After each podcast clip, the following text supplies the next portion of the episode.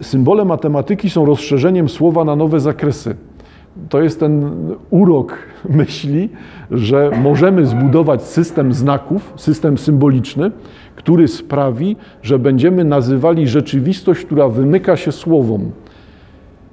To, co teraz powiedziałem dla ścisłowców, będzie niepotrzebnie powiedziane, dlatego że oni będą bronili tego, że ich świat znaków, symboli, matematycznych symboli określa rzeczywistość, nazywa rzeczywistość i nie musi to być rzeczywistość wyjaśniana tłumaczeniem, wyjaśniana gadaniem, tylko jest to rzeczywistość wyjaśniana ciągiem powiązanych konstrukcji logicznych. Nie, matematyk nie musi opowiadać, o czym jest ten pomysł o czym jest to twierdzenie. Ono jest.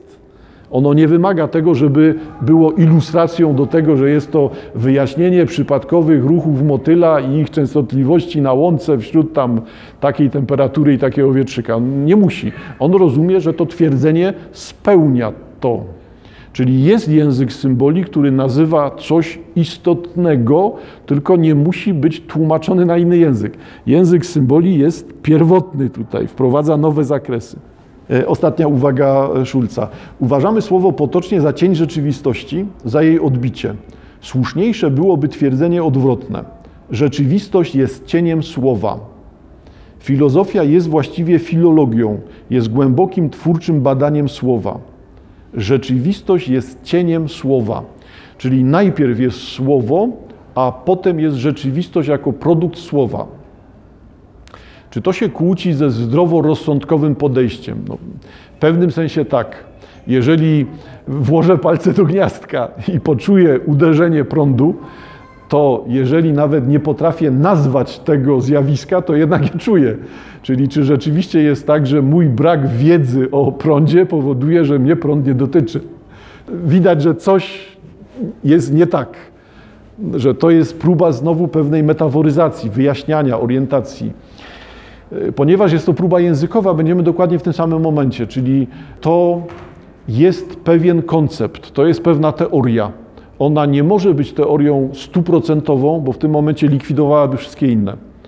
Gdyby to wyjaśnienie Szulca, ta jego mityzacja rzeczywistości, e, miała być spełnieniem całej naszej wiedzy, zdobyciem pełnej wiedzy o świecie, to cała wiedza o świecie nie byłaby do niczego potrzebna.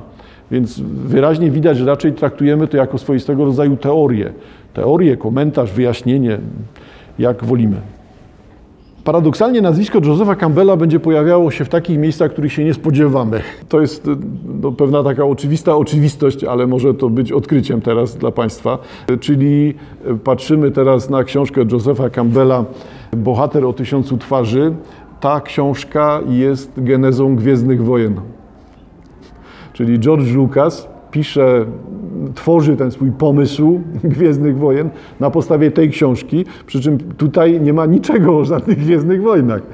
Tutaj nie ma żadnej fantastyki w tej książce, to, to nie na tym ma polegać. To jest książka kulturoznawcza, filologiczna, filozoficzna, socjologiczna w dużej mierze, e, ale na pewno nie jest związana z fantastyką. No a tymczasem okazuje się, że to właśnie książka Campbella buduje pewną świadomość opowieści i do czego tutaj zmierzamy od razu, żeby było jasne? Do tego, że Campbell pokazuje, jak wygląda opowieść pierwotna, pierwotna, podstawowa. Czyli jak opowiadać historię, żeby ludzie się z nią całkowicie identyfikowali. Nie musimy się identyfikować z Gwiezdnymi Wojnami, to nie, nie, ten, nie ta sprawa, ale musimy zobaczyć oddźwięk no, że jednak to jest jeden z tych filmów, który no, nie jest rewelacyjny. Bogiem naprawdę no, nie jest. No, taki jest nudny, powierzchowny, trochę stereotypowy. A poza tym nie trzeba lubić statków kosmicznych i latania w kosmosie i strzelania do jakiejś gwiazdy. No, to, to wszystko może być rażące. Ale trzeba zobaczyć, na czym polega oddźwięk.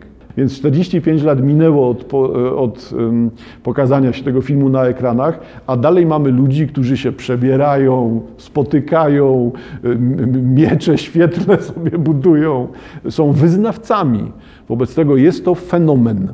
Fenomen, ponieważ z opowieści przyjmijmy o charakterze rozrywkowym i nic więcej, nie jest to do końca prawda, ale tak będzie czytelniej, nagle rodzi się coś, co jest jakimś stanem świata, jakimś pomysłem na życie. No, to paradoksalne, no ale tak jest. Joda jest, cyto, ten, ten mały z uszami, Joda jest cytowany na prawach wypowiedzi Buddy czy Chrystusa. Chrystus mówi tak, a Joda mówi tak. To nie jest żart, tylko to w tym momencie jest traktowane jako równorzędne źródło wiedzy o świecie. No więc mamy fenomen. No i początkiem tego fenomenu jest właśnie ta książka. E, Campbell, to nie jest jedna książka Campbella oczywiście, e, jest ich wiele, no ale poruszają się w kręgu bardzo podobnych zagadnień. E, skorzystam ze wstępu, ponieważ tutaj jednak syntetycznie da się coś pokazać. Zaraz będzie wiadomo, na czym, na czym polega problem z lekturą Campbella. E, Campbell całe swoje życie poświęcił właśnie czytaniu i interpretowaniu mitów z wszystkich możliwych kultur i czasów, po to, aby uzasadnić tezę, że owe fascynujące historie opowiadają zawsze o jednym o głębokiej potrzebie zrozumienia świata w wymiarze symbolicznym. Czyli od razu widać, jest pewien pomysł na tłumaczenie świata, to proponuje Campbell, ale proponuje go w oparciu o materiał z wszystkich możliwych kultur i czasów. I to jest ta, ten kłopot w lekturze Campbella, taki sam jak kłopot w lekturze Frasera. Na stronie jest 20 przykładów i wędrujemy przez tysiąclecia i zmieniamy kontynenty co drugie zdanie. To jest gąszcz materiału ale materiału, który ilustruje, że nie o czas i miejsce chodzi, tylko o to, że są pewne rzeczy, które nie ulegają zmianie, pewne pomysły, wątki, postacie, fabuły, może być też tak, które są wszędzie obecne. No więc one są tą pierwotnością Szulca. Jest coś, co jest na początku, coś, co my potem obrabiamy. Dalej o Campbellu. Aby tu udowodnić, amerykański badacz musiał wszakże zaproponować dość szczególny sposób rozumienia mitu, który ma niewiele wspólnego z jego rozumieniem antropologicznym. Campbell był niewątpliwie erudytą, do tego badaczem pracującym zawsze w samotności. Przez 38 lat wykładał w jednej uczelni, jaką była Sarah Lawrence College. USA jesteśmy. Zrezygnował właściwie z rutynowej kariery akademickiej, ograniczając się, ograniczając się do czytania, czytania i jeszcze raz czytania, po to, aby udowodnić, że istnieją tematy ponadczasowe, których ujęcie jest wprawdzie zależne od kultury, ale mimo to dające się zrekonstruować jako jedna wielka opowieść mitologiczna. I tutaj wprowadził Campbell kategorię monomitu. Czyli u Campbella monomit jest tym wskazaniem. Jest coś takiego, jest struktura, która jest kręgosłupem, która jest główna, która jest pniem czy korzeniem wszystkiego. Czyli można, określając jeden pomysł, jedną opowieść, jedną sytuację, jednego bohatera, możemy wyjaśnić wszystkie inne. Czyli istnieje coś, co jest monomitem i cokolwiek mówimy jeszcze, cokolwiek robimy wokół języka, opowieści, literatury, wynika z tego pierwotnego pnia, tego monomitu. Według Campbella mit stanowi bardzo szczególną formę świadomości, posiadając swoją społeczną funkcję o charakterze ponadczasowym i ponadformacyjnym. Czyli mit nie jest rozrywką, tak rozumiany mit jest częścią świadomości. Albo mówiąc jeszcze brutalniej, jest czymś, co nas różni od zwierząt. Jest czymś, co my posiadamy w głowach. Jest podstawą bycia człowiekiem. Nieznajomość, jeszcze raz, nieznajomość mitów w sensie e, Tezeusz, Prometeusz, Dalikar, tylko świadomość tego, że jest podstawowa opowieść, podstawowe doświadczenie, które potem jest przez nas podejmowane, urzeczywistniane, identyfikujemy się z tym, żyjemy tym, albo widzimy je wokół siebie, widzimy je w wydarzeniach, w ludziach, fabułach, które poznajemy czy z literatury, czy z życia. Czyli szczególna forma świadomości, mająca społeczną funkcję. I to jest u Campbella istotne, że to nie jest od tak sobie że tutaj psychoanalityk odkrywa, dlaczego się jąkasz, tak, trzymając się znowu banałów, skąd te koszmary. E, tylko chodzi tutaj o to, że znajomość tego monomitu, znajomość tej pierwotnej opowieści pozwala budować społeczeństwo.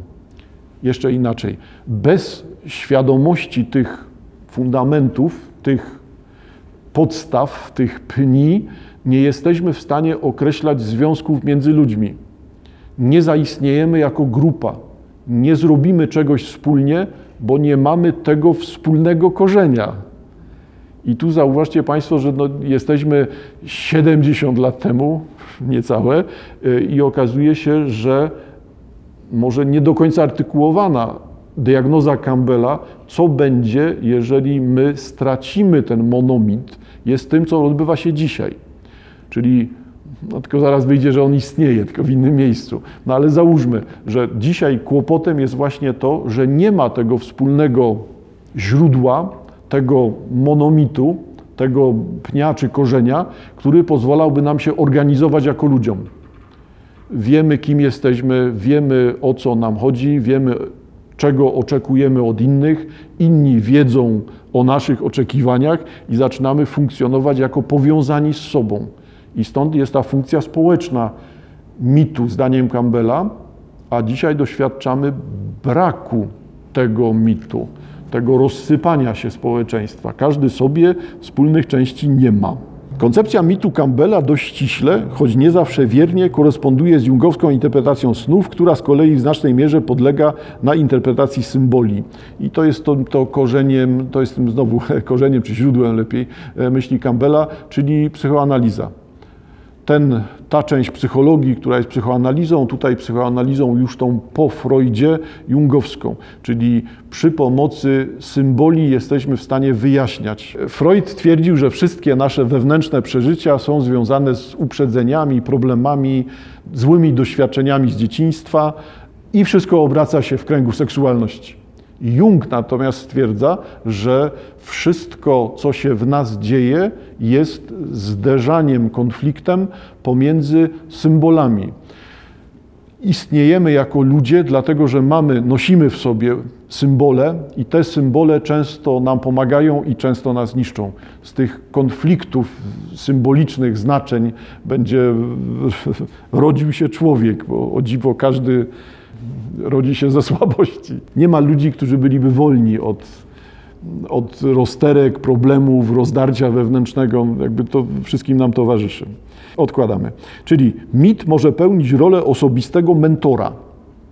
Ta świadomość Campbella pomaga, żeby siebie rekonstruować, pomagać sobie, zobaczyć, dlaczego jest źle, Mit może pełnić rolę osobistego mentora, gdyż opowiadania mityczne dostarczają psychologicznych drogowskazów pozwalających odnaleźć się w labiryncie, jaki tworzy złożoność współczesnego świata.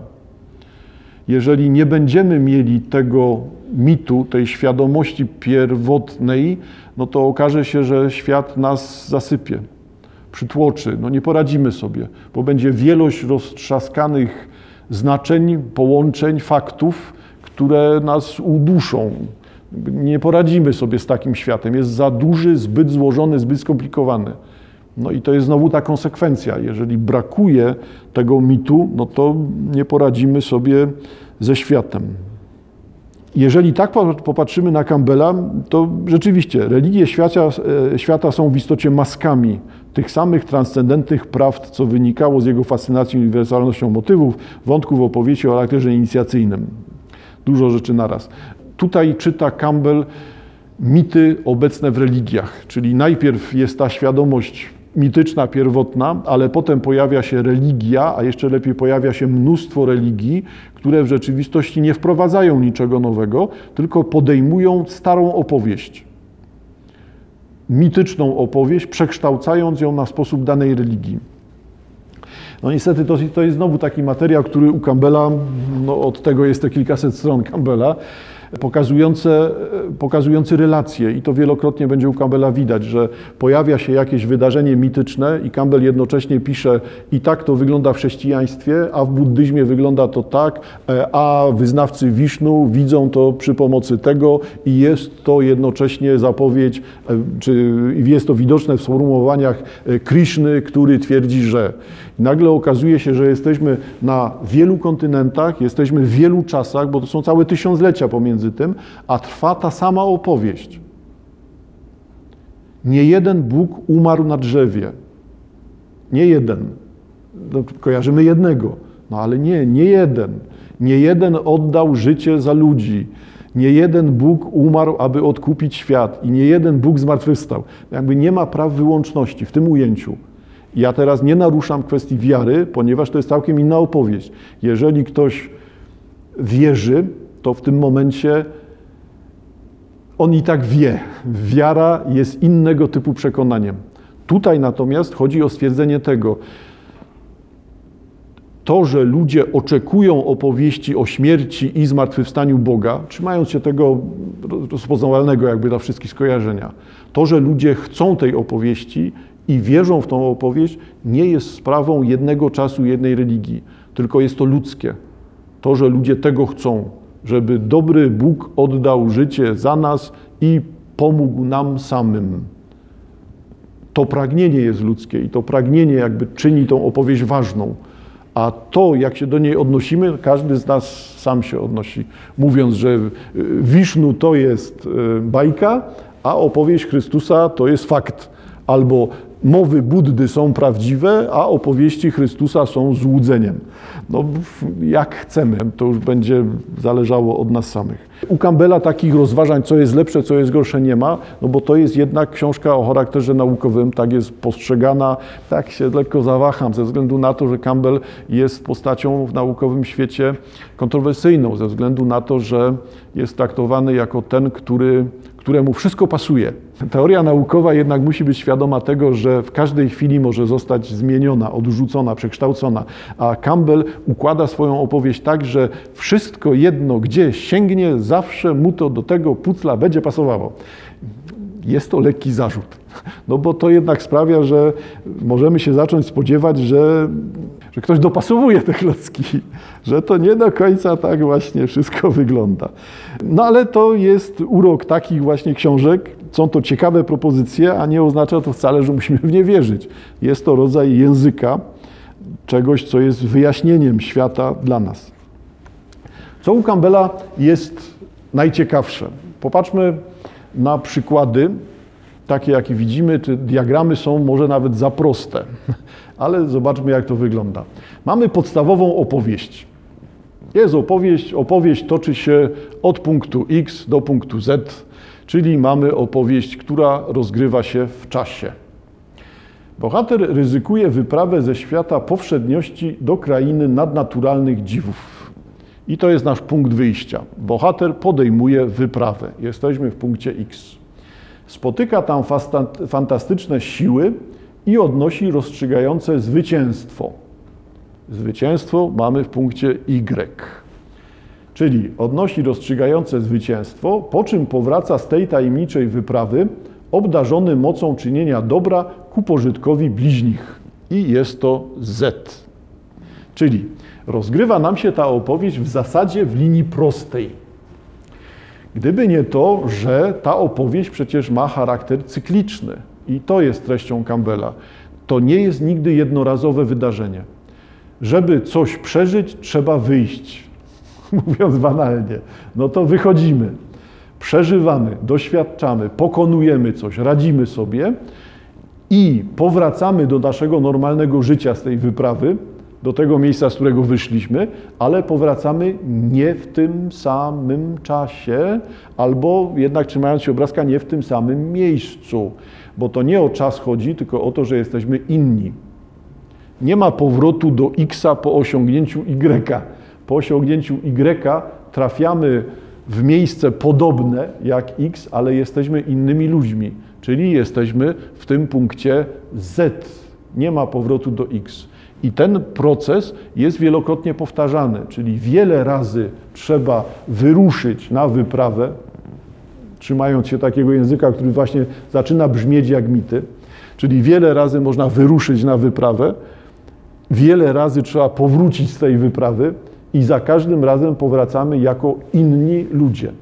Celem monomitu Campbella jest to, co widzimy tutaj. To nie odbywa się jako próba pokonania nas samych, jako próba zdobycia wiedzy o sobie, chociaż jest to też treścią tej opowieści. Sensem tego jest to, że wracamy obdarzeni mocą czynienia dobra ku pożytkowi swoich bliźnich. I widać wyraźnie tą prospołeczną funkcję mitu.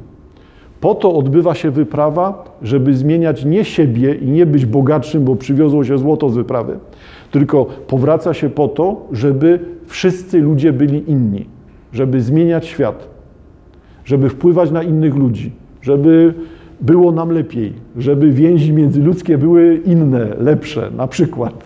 Chociaż tutaj będzie to czynienie dobra pożytku, pożytku bliźnich rozumiane najszerzej jak się tylko da. Hmm? No więc mamy prostą sytuację campbellowską. Campbell na wielu stronach w pierwszej części tej książki Bohater o tysiącu twarzy będzie odwoływał się, nie będę teraz cytował, powtórzę z pamięci, będzie odwoływał się do opowieści, którą na pewno Państwo rozpoznajecie, czyli opowieści o Tezeuszu. To jest ta klasyczna opowieść, ja sięgałem po nią tylko chyba już dawno temu, więc pozwolę sobie jednak jeszcze raz ją wykorzystać przy okazji tego, że sam Campbell z niej korzysta. Czyli mamy Tezeusza. Tezeusz dowiaduje się, że dzieje się zła rzecz w świecie, karmią potwora ludzkimi ciałami. Czyli na Krecie Minotaur pożera dziewczęta i chłopców, ponieważ tam Minos musi nakarmić tego potwora. Hmm? Tezeusz wyrusza na wyprawę.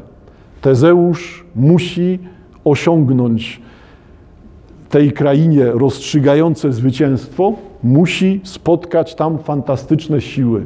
Czyli Tezeusz pojawia się na Krecie, Tezeusz odkrywa, czy spotyka, no odkrywa też w pewnym sensie, spotyka Ariadnę, Ariadna podaje mu pomysł na to, jak pokonać labirynt, Tezeusz wchodzi tam z tą nicią, pokonuje rozstrzygające zwycięstwo, zabija Minotaura, wychodzi z labiryntu przy pomocy nici Ariadny i następnie powraca do tej rzeczywistości, w której Ariadna zostaje jego żoną. Za chwilkę będę do wszystkiego wracał. Zostaje jego żoną, aby następnie y, żyli długo i szczęśliwie. Teraz popełniłem błąd, ale to za chwilkę będę wyjaśniał. Celowy. Jeszcze raz. O czym jest ta opowieść? No, ta opowieść, którą Campbell też podejmuje, jest tym monomitem, czyli jest zawsze opowieścią o podróży bohatera, podróży bohatera niezwykłego. Niezwykli ludzie podróżują. Zwykli ludzie nie podróżują. Ci zwykli ludzie nigdy nie wyjdą z domu.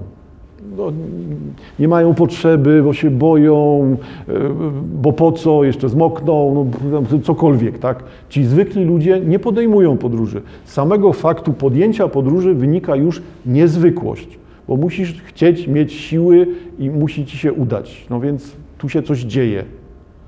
Musisz być niezwykły. Wobec tego niezwykły zawsze bohater wyrusza po to, aby zmieniać świat, zapanować nad złem świata, aby ten świat stawał się lepszy. Tezeusz nie mógł się dowiedzieć od sprzedawcy wody na Krecie, jaki jest pomysł na na pokonanie labiryntu ze względu na to, że on musiał dowiedzieć tego od Ariadny, bo ta opowieść nie jest opowieścią o kobiecie, tylko jest opowieścią o wtajemniczeniu w siebie. Czyli Tezeusz dowiaduje się od siebie. To paradoksalnie zaczyna brzmieć. Dowiaduje się od siebie, co to znaczy spotkać się z potworem, którym jest sam Tezeusz. Tezeusz zabija Minotaura, ale zabicie Minotaura nie jest zabiciem zewnętrznego zła, jest zabiciem siebie w złej postaci. On odkrywa zło, które pojawia się pod postacią Minotaura i jest w stanie to zło pokonać, ale pokonać przy pomocy zabicia, tylko zabicia nie tego, co na zewnątrz, tylko ten język metafor teraz, język symboli czy język mitu, jak ktoś chce, odnosi się do działania autotematycznego na samym sobie. Czyli on zabija w sobie zło. A dlaczego? Dlatego, że ma w sobie dobro. A to dobro jest jego duszą, jego animą i ta anima to jest ta Ariadna, to jest jakby nieprzypadkowa nie zależność imienia i animy, Ariadny i animy. Wobec tego on daje zwyciężyć dobru, Ariadnie, anime, daje zwyciężyć zło i wychodzi z labiryntu, wychodząc z miejsca, w którym pokonał siebie, pokonał swoje zło, po to, żeby w świecie zewnętrznym żyło się lepiej, żeby zmienić ten świat zewnętrzny. Zauważcie Państwo, opowieść jest opowieścią fabularną. To zrobiłem na początku, nie? czyli tam pojechał, wyjechał, kreta, potwory. Mamy czysty ciąg fabularny, ale w rzeczywistości ta opowieść jest opowieścią o poznaniu siebie, o wkraczaniu w siebie, o pracy nad sobą, o, o przekształcaniu swojego wnętrza, o rozwoju wewnętrznym, o pokonaniu ciemności, pokonywaniu ciemności. O, ta labiryntowość, która tu się pojawia, jest niczym innym jak tym, że można się w tym zgubić. To niekoniecznie jest opowieść, która musi kończyć się pozytywnie. Ta opowieść o Tezeuszu, będąca mitem, no niestety z racji bycia, tym, bycia monomitem musi się kończyć pozytywnie, bo są mity, które kończą się źle, ale one są raczej niezwykłym przykładem mitów i paradoksalnie mają mieć taki sam efekt jak te dobre. Odkładamy. Mity zwykle kończą się pozytywnie, bo muszą dotyczyć procesów, opowieści o przekształceniach, o tym, co dzieje się w nas samych, o tym, jak działamy z sobą, jak pracujemy nad sobą. I teraz ta zmiana, czyli ciąg linearny i ten ciąg w kręgu, dotyczy tego właśnie zjawiska. My w zasadzie to się nie ruszamy. Podróż tutaj nie jest podróżą geograficzną, nie jest turystyką. Podróż tutaj jest wkroczeniem w swoją ciemność po to, aby sobie z nią poradzić. Każdy ma swoją ciemność i każdy ma swojego minotaura. Każdy tam sobie coś dopisuje, co chce teraz. Wobec tego trzeba się z tym, trzeba to rozpoznać, odkryć, że jest. Większość ludzi w ogóle tego nie, nie zrobi, bo się boi zapewne i nic więcej. Wobec tego, jeżeli to odkrywamy i musimy sobie z tym poradzić, no to po to, żeby to pokonać i po to, żeby powrócić lepszymi, ze świadomością tego, że udało się zabić jednego minotaura, będzie następny. Końca procesu nie ma zastępujemy jeden nałóg innym nałogiem. W miejsce jednej słabości pojawia się inna słabość. W miejsce jednej emocji, która nas niszczy, pojawia się inna emocja. Nienawidziłem kogoś, umarł, wcale nie jestem lepszy. Nienawidzę kogoś innego. Tutaj nic się nie dzieje. Widać, że ten proces ma charakter cykliczny, że on w kółko się odbywa. Nie ma końca. Nie można przerobić siebie w anioła bo nielogiczne po prostu to jest, bo byśmy zostali aniołami i znaleźli się w innej rzeczywistości. Wobec tego tutaj to nie następuje, czyli jako ludzie musimy się zmagać z tego typu procesem.